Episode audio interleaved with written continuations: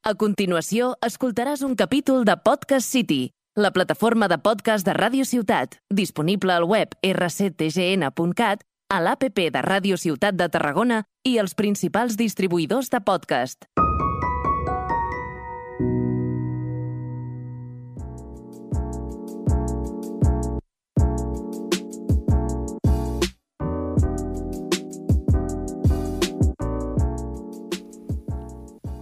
Benvingudes i benvinguts a un nou episodi de Maternitat i Criança Conscients.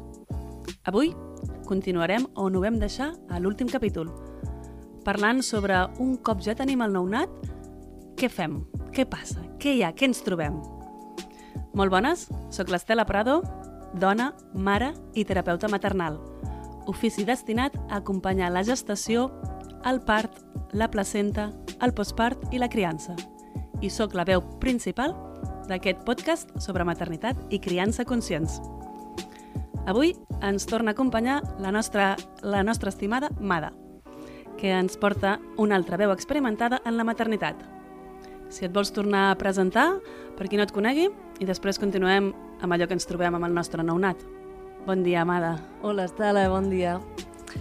Pues, bueno, jo sóc l'Amada i sóc mare de dues criatures, abans doncs, vaig treballar d'educadora social, d'antropòloga, però des de que va néixer la meva primera filla, que, que m'he destinat més a la maternitat, a estudiar sobre criança conscient, sobre psicologia humana, per poder acompanyar els processos de desenvolupament.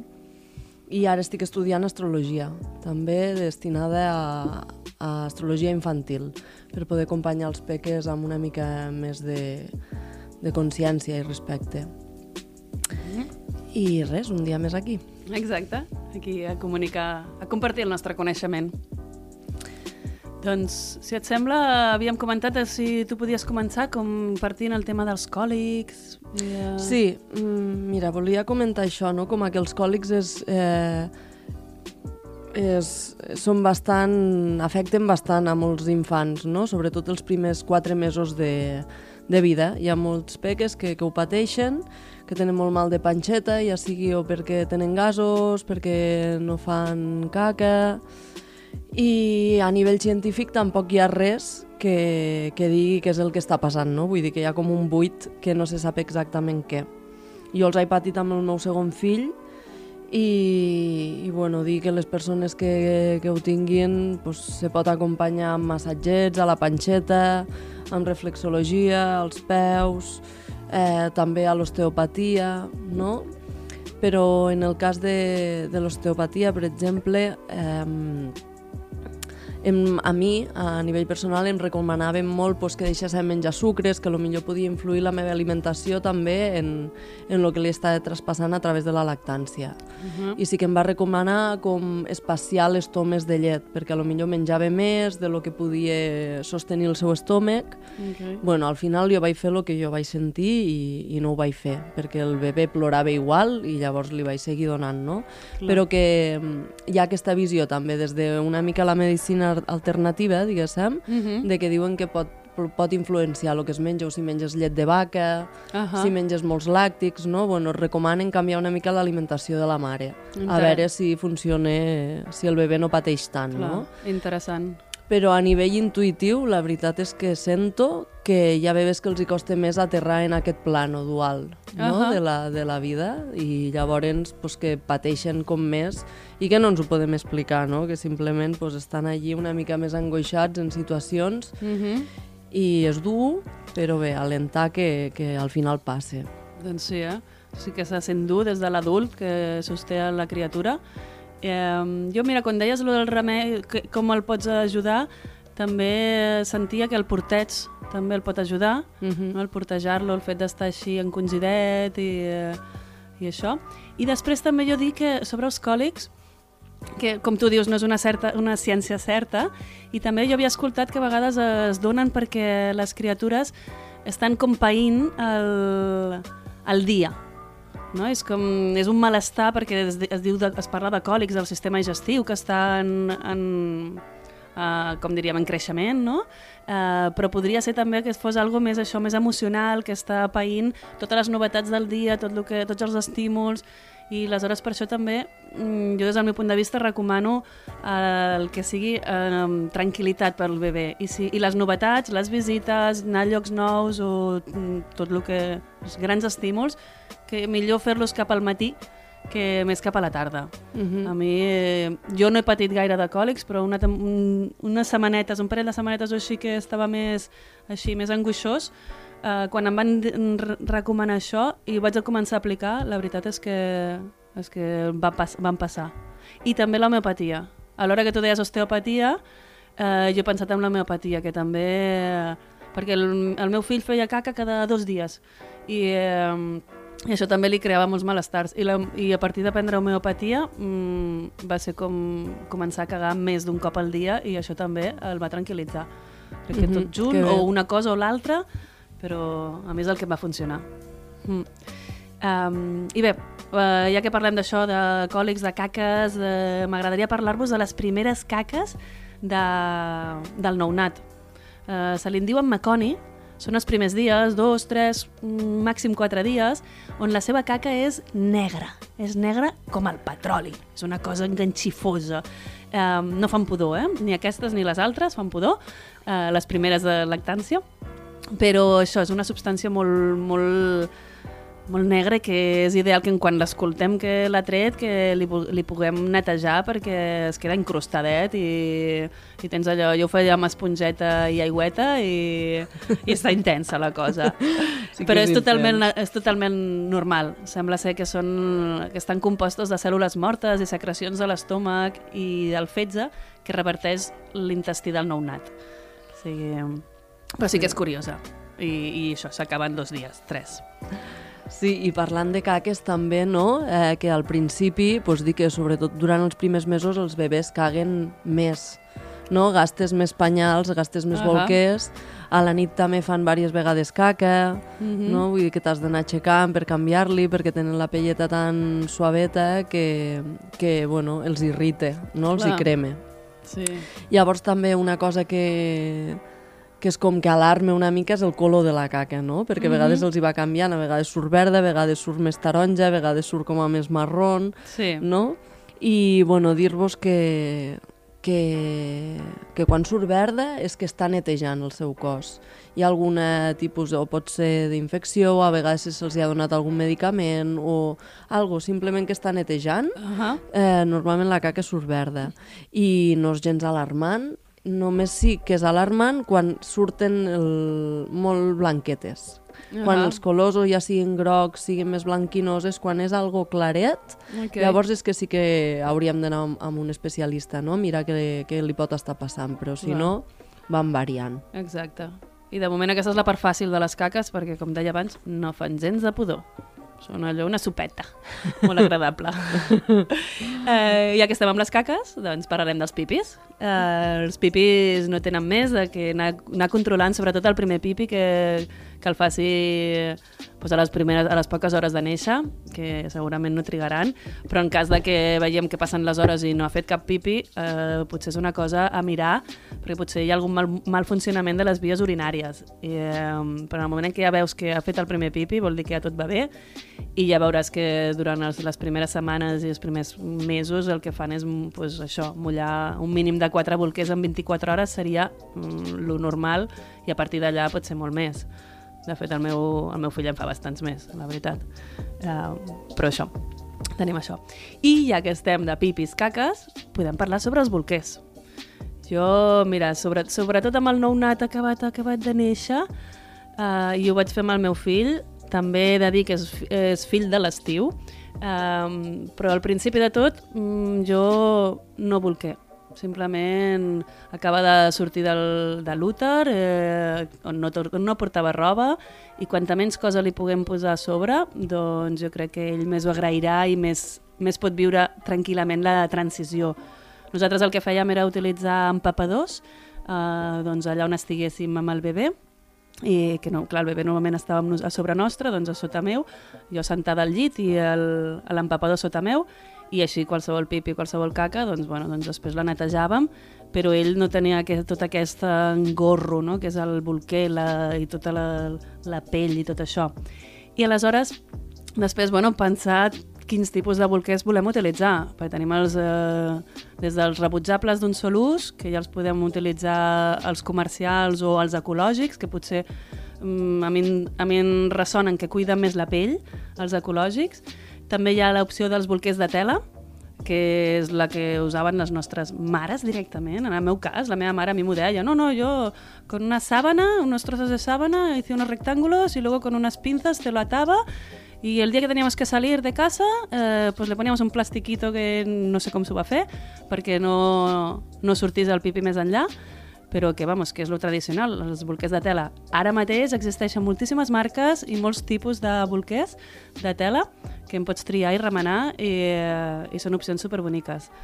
Eh, de fet, boniques en els estampats i tot. O sigui, hi ha gent que en col·lecciona de bolquers més que, més que utilitzats, s'agafen així una obsessió de bolquers, bolquers. Realment eh, és una passió, realment. Sí que, sí que també porta més feina, Ah, totalment. saps? O sigui, Clar. també, evidentment, has de netejar cada vegada la Sí. caca, el pipi, fa Sí. molta pudor tot, s'ha d'anar netejant i tal, bueno, té aquest, té aquest Sí, esforç. exacte, això no? totalment. Però pues, no contamines. Exacte, no fas aquella muntanya. És que un dia vaig veure una imatge que a més van posar un bebè i amb una, de, potser dos anyets tenia el bebè allà sentat amb una muntanya darrere que era 50 vegades el seu tamany, no sé si 50 o 500, mm. de tots els bolquers que havia utilitzat en la seva vida, no? I era com... És una barbaritat. Esgarrifós, no? La, la imatge aquella. Contaminen era... molt, contaminen Clar. molt, costa molt de, de, Sí, de desintegrar-se. exacte. I, I ja tenim... Els bolquers de tela els hem de rentar, però bueno, és aigua, no? Al final Sí. el que gastem. Com a recomanació també diria que esperéssiu a que el nadó neixi i després li aneu provant, com diferents marques, diferents Mhm. tipus, perquè també tots els cossos són diferents i Mhm. no tots s'adapten al mateix cos. Exacte. Per exemple, a mi em va passar que els vaig comprar abans de que el bebè naixés i tinc un bebè molt gran Ahà. i ja li van petits, no? Ok. Llavors és com... Bueno, també hi ha,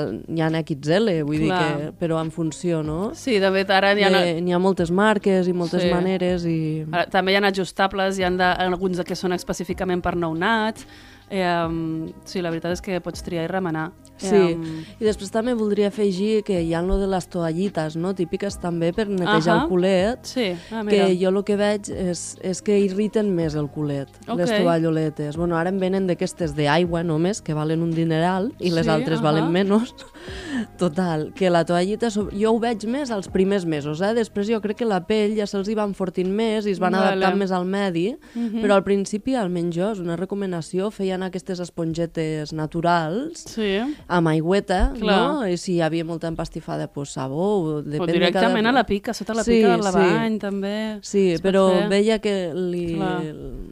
li anava més bé al seu Clar, culet. molt bé. Jo, tinc, jo, de fet, tinc també tovalloletes de tela. Jo vaig amb els bolquers Vale. de tela i amb tovalloletes de tela. Sí. Molt bé, sí. Eh, em vaig comprar com una cinquantena, eh, estan repartits a l'habitació, a la cuina, a la motxilla... Bueno, al final ja em fico la mà a la butxaca i me'n trobo una tovalloleta. Eh, Sí. I, bueno, estic en aquest punt. I ja només per acabar amb el tema dels bolquers, eh, volia comentar que també hi ha l'opció, eh, que això és realment molta connexió amb el bebè, és l'opció que opten algunes mares de no utilitzar bolquer directament de simplement això, doncs, averiguar quan el nadó vol fer pipi, vol fer caca i tenen un poalet, un petit orinalet que sempre porten a sobre i en aquell moment doncs, pum, li fiquen el culet eh, perquè faci el pipi o la caca allà. Eh, de fet, ja hi ha roba especial per, aquestes, per aquesta opció que és com molt ràpid de treure el culet per allà. Ah, i volia dir, afegir, que se m'havia oblidat uh, amb els bolquers de tela, que també hi ha gent que les primeres setmanes opta per bolquers rebutjables i a mesura que el bebè es va fer més gran i fa menys pipis, més, menys caques sobretot, comença amb els bolquers de tela. O mm -hmm. quan ja una mica estan més acostumats Sí. al nadó, ja... Perquè el, els bolquers de tala també són grans, acostumen a ser Sí. grans, llavors el, el, el bebè és molt Tan petitet, petitet. i es porta allí una, no? un, sí. algo muy grande, no? Sí, sí, el meu fill que li vaig començar a posar en un mes, doncs era primer el bolquer i després veies el nadó. Clar, per això s'ha de veure, no? Cada cos Sí, i cada... exacte. Sí. I anar jugant, anar provant. I, Sí, sí. i, i també me ve, no?, quan deies això de la teva mare que ficava teles, que, Sí. que et ficava teles, doncs també, igual en els primers dies, fiques l'empapador, però també pots agafar un llençol vell, També. el retalles i li fiques allò al culet per a que no vagi Ah, jo ho també, vaig fer, sí. saps? Li feia uns bolquers jo amb les... Mm -hmm. Així, els primers dies, saps? Sí. I... Jo també vaig fer això amb, els me amb el Meconi. A la, a, durant el dia no, però a la nit, que era molt liada, vaig dir, "Mira, vam agafar un llençol i pum, li vam fer allà Mhm, amb molta clar, traça, la veritat. Sí. Després de mirar-nos un vídeo, un vídeo tutorial de com fer el bolquer amb una tros de tela, ens va anar molt bé. Després, tancant ja amb lo dels culs, Sí, sí, sí, ens i pipis, estem que ens aquí. estem aquí encebant amb tot això. Però res, també les cremes hidratants, no? Ahà, Volia parlar sobre, mira. sobre com que això, no? les, les caques són, que cremen, els hi cremen, no? i què ficar al, al bebè. Doncs jo almenys la, la meva recomanació és que també hi ha moltes cremetes naturals, rotllo de calèndula, Mhm. olis, eh, oli d'hipèric, no sé, cosetes suavetes que només cal ficar-li si té alguna dolència al culet, no? Si no, la pell er- està bé, no, no fa falta ficar res. Exacte, jo soc quan- partidària també de lo natural, a no ser que necessitem... I quan llavors ja sí que alguna vegada ho ha tingut com a molt irritat o el que sigui, eh, puntualment sí que he recorregut a la crema, amb una crema de farmàcia i tal, perquè pues, amb lo natural no, no acabava de curar-se, Uh -huh. no? Vull dir que sempre es pot fer un compendio Sí. de les dues coses, però si no hi ha cap dolència, pues, No cal bien. fer res, exacte. Sí. I si no, a vegades també, si hi ha irritació i tal, a vegades també va bé airejar-los, no? Sí, Deixar-los sense el bolquer. que s'assequi. i que de cop tinguin una mica d'aire, no? De, Sí, total. Que és una part que realment el bolquer el tenim tan posat que no, Claro, que no els hi toca l'aire. els hume... tenen humetat. Sí, mira, mm, què et sembla si posem una mica de cançó per, anar, per deixar aquest tema ja tancat? bé. Així ja, no hi totia, que continuem.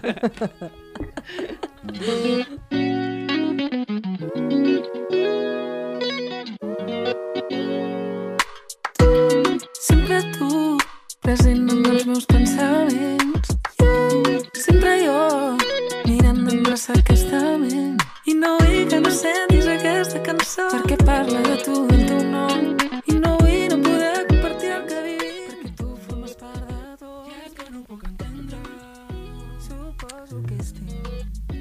Vale. Eh, doncs podem seguir parlant sobre la contenció. Ahà. Interessant tema, també. Sí, no? Que és quan, quan el bebè pues, està com a molt angoixat, està molt inquiet i, i no? també ens, ens ne, tenim la necessitat de calmar-lo, no? D'alguna manera o altra, o Ahà. que necessita com la nostra ajuda no? per algo.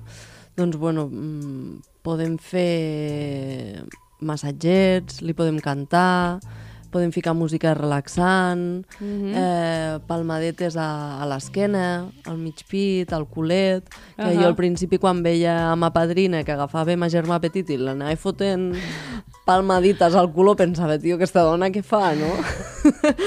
Però la veritat que després al tenir fills li he trobat el sentit perquè sí que els hi calme Clar. i de fet al cul allí el chakra raïz, no? Ah, que mira. pot ser com una... que se'n va energia per allí, igual que a l'esquena també, no? Com Mhm. Ah, molt bé. quan està inquiet i sobretot el, el petit, el riu que tenia els còlics m'anava molt bé. Mhm. Lo de l'esqueneta i li donava com calma, seguretat. Sí, la veritat és que és una cosa que et surt com natural, no? Al final. Sí. Com, No sé, no, no Sí. potser ni t'ho han explicat, però de cop et, et Sí. trobes eh, eh, pues això, gronxant el bebè i, i donant-li unes palmadetes allà. Sí, sí. No sé. I realment el balanceig els ajuda també molt, no? Ells estan dintre de l'úter i ens estem movent tota l'estona i això d'aquí els calma. Ahà. Eh, també pues, ara hi ha tota una moda amb això dels olis essencials, els vaporitzadors i tot això, que a vegades hi han com aromes, pues, la Mhm. lavanda, per exemple, com a que calme, porta com el son... Ahà. Eh. Que, que s'ha de, saber, de tenir clar quins es poden utilitzar i quins no, perquè els nounats són molt sensibles Sí, i hi ha alguns poquets es- eh, olis essencials específics que, que això que ens ajudaran a calmar-lo, sí, però no qualsevol oli essencial és vàlid. Això també dir-ho. vale.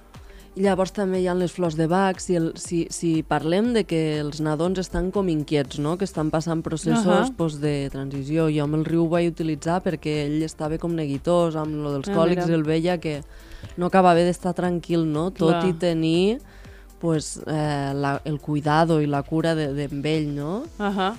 Um, I les flors de Bach, pues això, és com són com freqüències, no? que els mm. -hmm. arriba de, de, de les gotetes i fan que es calmin, no? I també, bueno, hi ha especialistes de flors de Bach, llavors cadascú pues, vagi al seu terapeuta o, Clar. no? Uh -huh. I, i després també pues, agafar el bebè Uh -huh. com, com quan estava a l'úter. No? Ahà. Com ficar-li eh, les cametes cap a la panxeta, els bracets així, no? i Ahà. agafar-lo, contenir-lo, eh, i també li dona com calma i tranquil·litat, no? Aquesta Exacte. contenció, Sí, això- aquesta abraçada. Això m'explicava la meva doula, just el, jo crec que el primer, la primera nit abans que elles marxessin, um, Uh -huh. que en un moment es va posar a plorar el meu fill i, i va venir la doula i li va fer just això que dius, no? De, pum, tornar-li a, a fer cubet, a tancar-lo allà Uh -huh. i em va explicar això, no? Això els calma i realment era, va ser com automàtic, no? El tancar-los així. Ara, ja que és més gran, ja no li funciona tant, eh? Ara l'intento a vegades contenir així i, i agafa tota la força i em vol obrir, no? És com, Sí. vale, ara ja no, ara altra tècnica. A mi em passava que, que el meu company l'agafava i deia és que jo sento que si li feia així, perquè ell com a que feia força, no? Clar. Semblava que no volgués, Sí. però que quan ho feia, Ahà. diu, és que jo tinc la sensació de que li va bé, no? Mhm, que jo al mira. principi era com, però què li fas, no? I llavors no, realment li anava bé. Mira. I això també després en etapes mm, Més de grans, després, sí. no? Les contencions també quan els Ui, peques sí. estan amb rabietes, quan estan angoixats i tal, Ah. no? Com aquella abraçada amorosa que, Que conté, que sí. conté. Que li marca el límit, sí. Ui, d'això ja, ja farem un podcast que, que n'hi ha per parlar, la veritat. Tot mazo. Pues sí, sí, sí. Molt bé, doncs... Uh, mira, ara una cosa que no té gaire a veure amb el que estem parlant, però sí, perquè estem parlant del nostre nounat, uh, era de, per les, les proves d'aquelles persones, que d'aquells nounats que neixen a l'hospital, Uh -huh. Uh, simplement comentar que, que hi ha moltes, la majoria de proves en un nounat que, que, que està sa uh, es poden fer a sobre de la mare.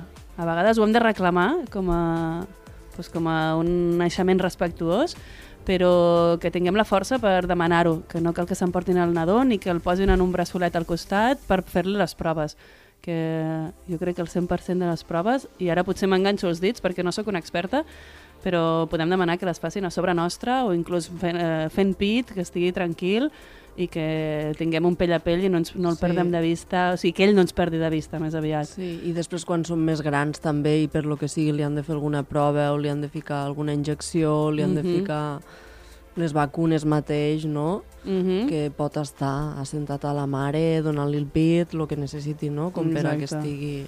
que, Sí. que ells necessiten aquest acompanyament tan, Sí. tan proper. Sí.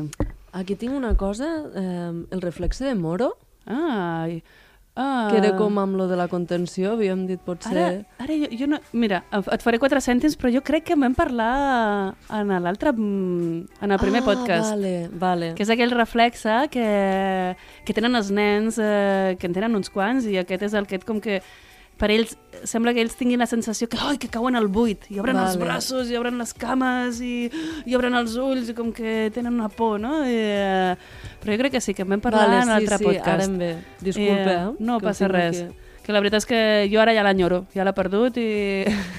perquè el té durant els 3 o 4 primers mesos el tenen bastant, Vale. bastant sovint. Uh, depèn de quins moviments i no cal que estiguin realment caient però ells els, els hi surt i, i ara l'enyoro, és com una cosa molt al principi et sobta però després li agafes carinyo ho tenen tan sovint i tant això que però bueno, ara té altres coses que també Sí, m'estimo sí, moltíssim exacte. realment són un canvi constant i Sí, total. són tot un amor Ja s'assustarà d'altres coses, Sí, pot això segur. Sí, l'altre dia d'un gran nino que teníem per allà. Primer va fer gràcia, després va començar a plorar. I, vale, vale, fora, fora, nino. Adéu, nino. Un altre dia. Vale, Molt a veure, bé. què més? Um, mira, també volia parlar sobre la cura del cordó umbilical, Mira, no? perfecte, que, que sí. també és algo de... No? Acaba de néixer el cordonet allí, com ho fem, no? Ahà. Què, què tal? Llavors, bueno, pues que el cordó s'ha d'anar secant. El cordó s'asseca i cau, no? I depèn de de la temperatura, depèn del, de l'època de l'any en la que estem, doncs és més fàcil o més difícil. Mm -hmm. Al, al riu, al petit, li va caure al segon dia ja li havia caigut el Ah, cordó, perquè feia molta calor, no? Uh -huh. Però si no, doncs, bueno, s'ha d'anar netejant amb suero fisiològic, amb una gasseta, que es netegi, que Mhm. no s'infecti. Si està com un... també se li pot ficar argiles. Argila en pols, Sí, sí. argila verda o argila blanqueta perquè Sí. es vagi secant. Eh, I en la majoria de, de peques doncs, és entre... fins als 15 dies pot caure el cordó. Mira. Mm. Normalment acostuma a ser més aviat, eh? 5, 6, 7 dies. Sí, 15 dies, bueno, es pot donar, però jo crec que és més aviat. Més aviat. Sobretot si el, net, quan, si el netegem, eh, que després aixugar-lo bé. O sigui, és una zona que no ha d'estar humida, Uh -huh. que per mantenir-se sec, perquè Sí. eh, és el procés del, seu, del secament que farà que, el ca que caigui, no? I que, és el, que és el que després donarà el malic. Que també es diu, no? Bueno, o pot anar bé, que al principi no cal banyar-los. Exacte. Sí, mira, ara Quan se volia... li cau, no? Exacte. Lo dels banys. Sí, sí, jo... Eh, això, eh, el tema del banyar, jo soc partidària de fins que no li cau el cordó com a mínim no començar-lo a banyar. Eh, després també dir que és un nounat, que no es mou, que no sua, que no fa pudor, a no ser que de cop se't cagui se't vomiti per sobre. Que en el meu cas va ser la primera vegada que el vam banyar, quan va fer una gran cagada i una gran vomitada en 10 minuts de diferència, vam dir, avui serà el teu dia d'estrenar estrena la banyareta. Però va ser això, simplement una mica d'aigüeta i, i que ell senti pues, això, no? el, un altre cop el contacte amb l'aigua. I aleshores hi ha diferents tipus de banyaretes. Nosaltres en el nostre cas teníem una banyareta que es diu Tummy Tap i que és com un cubell i que es queda així com arraulit, com una mica a la tornada l'úter i realment el calma molt i també va molt bé pels còlics eh, perquè és això, li agafa les genollets estan a prop de de, de l'estómac eh, i això, però bueno, hi ha altres tipus de banyeres que també són més allargades i en aquestes a vegades va molt bé posar-li com una gasa a sobre que, que el conté perquè a vegades també és com massa gran, no? És un nounat petitó i, i no hi ha el seu límit, no hi ha el límit i aquesta robeta, una musselina mateixa, encara que es mullarà, però, però això, deixar-lo eh, amb, amb això la- l'ajuda, una mica de contenció i a poc a poc, a mesura que l'anem banyant, li podem anar, anem provant de treure-li la, la tela aquesta.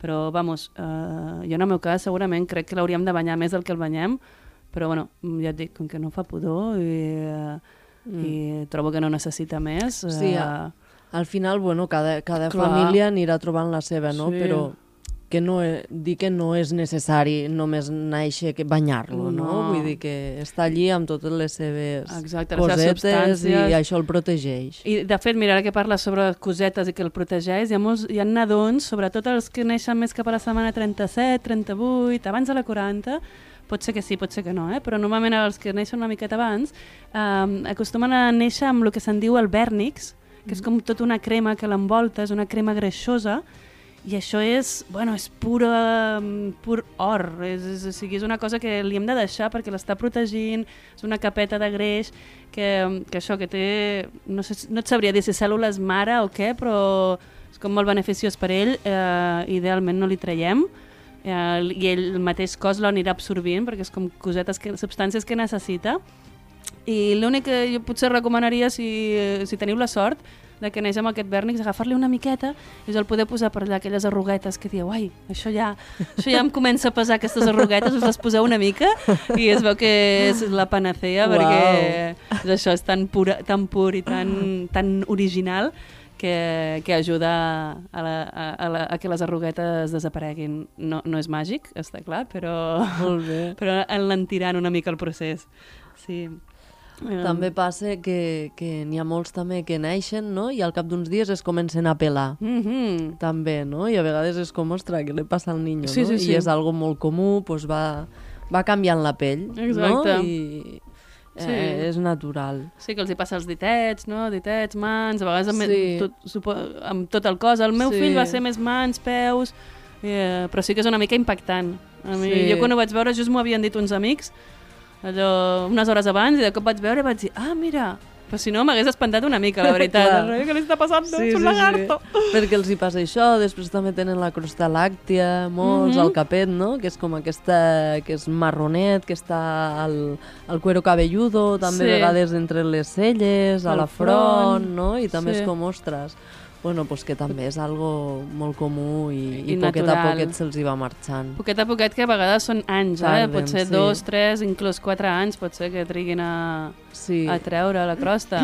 Hi ha Però persones que a vegades els hi, els hi fiquen oliet com per mm, desintegrar, diguéssim, per, per estovar la crosta, Ahà. no? I llavors anar traient, però bueno. Jo sóc partidària de, De de ja farà el seu procés, si està allà és perquè ha d'estar, no fa cap mal i, i ja està. També pues, se'ls hi va canviant el cabell, amb uns els hi va caient, no? I després els hi surt un altre cabellet, o Ahà. inclús poden canviar el color del, Sí. del cabell. Les ungles no paren de créixer Temazo. a tope, les ungles, i són super afiladetes, primetes i afiladetes, i és tot un tema trobar el moment per tallar-los-hi Sí, i no eh? arrencar-los un dit. Sí, el sistema, sí, sí. Saps? Però sí, lo de les ungles és uau, creixen a una velocitat Sí, sí. increïble. I te n'adones quan et comences a esgarrapar, no? De nou, és com, ostres, un altre cop. Sí, és una mica molest. Tot i que he de dir que els primers dies les ungletes van créixer, no, a vegades ja, creix, ja neixen amb les ungles llargues, però són unes ungletes tan petitones, tan finetes, que elles mateixes van trencant. Sí. Al principi no cal... Jo els primers dies no, no Són els hi vaig tallar ni res, simplement pues, amb els seus moviments, amb el llençol, amb la teva pell, es van trencant. Jo li vaig començar a tallar amb el, el dit polze, eh, la ungla del dit polze, que semblava que ja podia tocar la guitarra i allà- aquella ungla ja no hi havia manera, ja no es trencava naturalment, no? Però els Sí, primers després dies... se'ls hi van endurint. Sí, Sí. després ja sí agafen una consistència com les nostres. Sí, sí.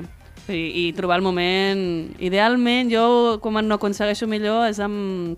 és quan estan dormint, totalment. Sí. I després jo vaig començar a muntar ungles, mai, amb, les ungles, amb les tisores mai m'he atrevit, i ara al final m'he agafat un, una llima elèctrica, Uau. i si ho faig prou sovint, amb la llima elèctrica en tinc prou, i si no, doncs combino tallar ungles i llima elèctrica, i és perfecte. És- existeix de tot, eh? Sí. Vivim en una era... Sí, sí, sí. Però el Molt dia bé. que ho vaig descobrir vaig dir, mira, inventazo. I la veritat és que no fa soroll, o sigui, mentre està la nit es, mm Mhm. es pot fer. Té una petita llumeta al meu, en el meu cas i, i es ja pot veus, fer. que guai. Sí. Després també, què els hi passa? Pues a vegades els hi surten granets, granets de llets que se'n diuen, pues que Mhm. són com granets amb una punteta blanqueta i que també jo crec que és de la mateixa grassa, saps? Ahà. O sigui, d'això del vèrnix aquest, no sé, eh?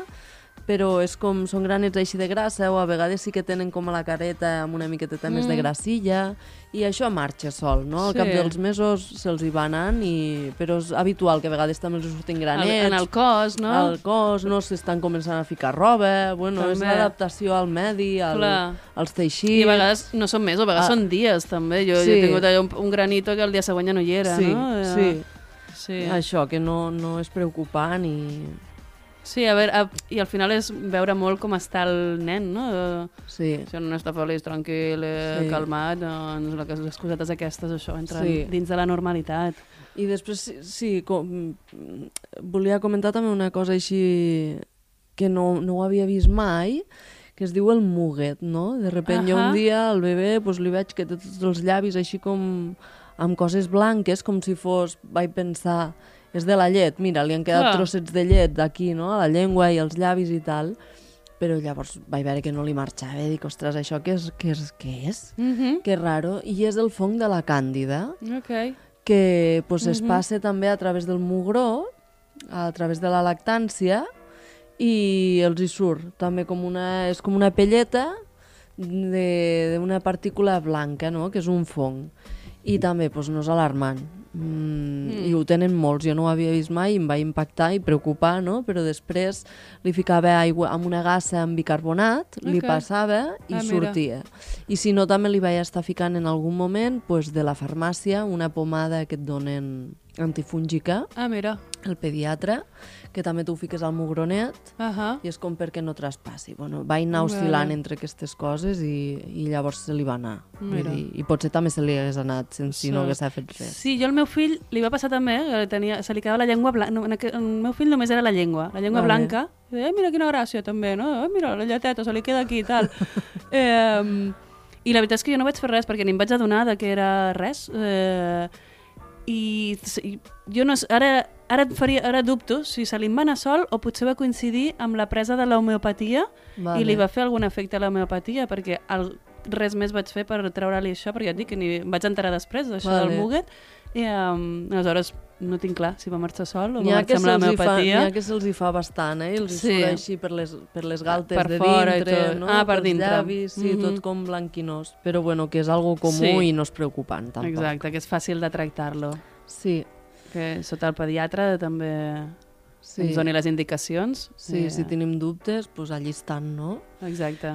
Llavors també una altra cosa que ens preocupa així, que és com, ai, Dios mío, la temperatura, no? En què Mhm. temperatura tiene que estar el bebè, Mhm. eh, no? Sobretot quan acaba de néixer. El Clar. tapo, no el tapo, no? Bueno, primer, Sí, pues, sí. això, no? El que hem dit, eh, el pell amb pell, el contacte amb la mare, que és el que regula la seva temperatura, dir i repetir això també, que quan fa molta calor, el pell amb pell també potencia que creixi, que pugi la temperatura. Quan el clima està Clar. a 40 graus, Ahà. pues pot ser que el bebè tingui febrícula, però no és mm, que estigui malament el bebè, no? Ahà. sinó que és un efecte natural de, Clar. de, pues, de la temperatura. I de que estan aprenent a regular-se la temperatura, Exacte. no? I el nostre contacte, pues això, fa que Però- l'augmentin. Però sempre no, hi ha aquest dubte de ai, el tapo, no el tapo, que li poso, Ah. que no li poso... Bueno, a mi a vegades encara em passa. Ahà. Jo, almenys a nivell particular, el que veig és que els meus fills, almenys, tenen més calor que jo. Ah, mira. Saps? Ok. Vull dir, també veig, el, el meu company no era partidari d'abrigar-lo molt, Ahà. no? Perquè llavors el cos eh, tenia la, la teoria i que després ho he pogut anar veient eh, com aquest s'adapta al medi, no? Clar. Els nens que neixen a l'Himalaya pues, Sí. re, re, es regularan en funció de la temperatura que hi ha allí i un altre que creix a l'Amazones, Mm. pues igual, no? Llavors, eh, deia, sí que el tapem perquè fa fred, però que ell se vagi i tal. I la veritat que, que, que bueno, ho han fet així i jo veig que no, que no pateix. Saps Ahà. què et vull dir? La meva filla sempre porta una peça menys de la que jo porto, Ah, mira. saps? Ah. De fet, el, el, el tema de ficar les jaquetes als crios és un temazo para los padres i madres. Ja, sí. Però bueno, també és algo molt, molt a l'aire, eh? Jo a vegades Ja. tinc molts dubtes de, de, de què fer. Clar. Sí, jo de fet he sentit que els, els sobretot els, els nounats, els petitons, eh, una capa més que nosaltres. Però jo realment tampoc no, no, és, no, no he sentit que el meu fill necessités una capa més que Mm, sí. nosaltres. Jo el feia com nosaltres, i ja està. O sigui, o sigui que... Sí, sí, això però- és el que sempre ens han dit, no? Sí. Però que és això, que després experimentant-ho, i no sé, a la nit fan unes suades, el tapes i es Mm. ja, fot una depèn de com, suar, sí, vull sí. dir, no ho sé. Sí, jo el, el que feia és tocar-lo aquí al pit, no? Uh, no és allò tocar-li la punteta del nas o els peus, perquè costum... el meu fill en molts moments estan freds. Uh, és més aviat tocar-li al pit o per aquí darrere, Sí. aquí a la Darrere sota les cervicals, coll. no? A les cervicals, just a sota. Sí, allí es veu si, la, si té febre o no té febre, no? Si la temperatura està molt si calenteta molta calent, o no. si té fred, eh, sí, està ben tra- abrigat o no. Mhm. Mirar-ho per allí, sí. Correcte. si no tu? Que vols si? Vols si vols si no tu la teva? Que vols si no tu? Que vols si? Vols si la teva Que vols si no tu? Que vols si no tu la teva bé? Bé, doncs, eh, avui fins aquí arribem amb, eh, amb totes les, nostres, les cosetes que hem pogut aportar sobre el nounat. Eh, la llista continua, tenim encara per un tercer podcast.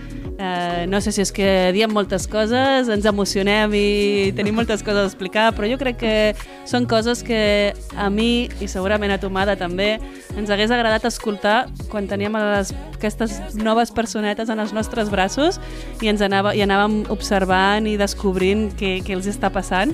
I a mi, de fet, la meva doula em va ajudar molt amb, aquestes, amb aquests temes i altres simplement, bueno, doncs els, he hagut, els hem passat com hem sabut, no? Eh, Sí. Jo també tinc uns amics que havien tingut un bebè dos dies abans que, que el meu, i, així que també en molts moments, ei, m'està passant això, i a tu què tal, i com ho fas? I, Sí. i realment això de la tribu va molt bé, Sí. eh, algun suport.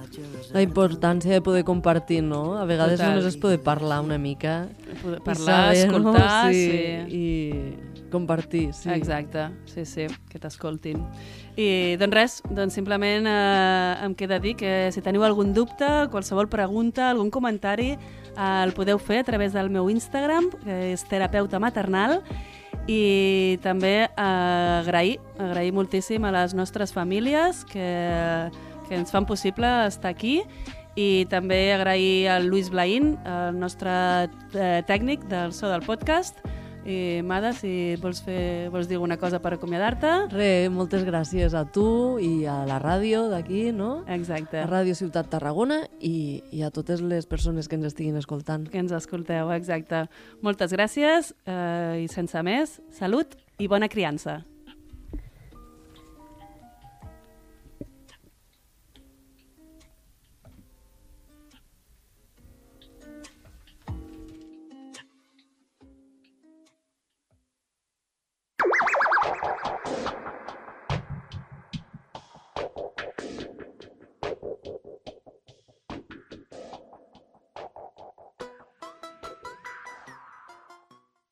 Has escoltat un capítol de Podcast City, la plataforma de podcast de Ràdio Ciutat, disponible al web rctgn.cat, a l'APP de Ràdio Ciutat de Tarragona i els principals distribuïdors de podcast.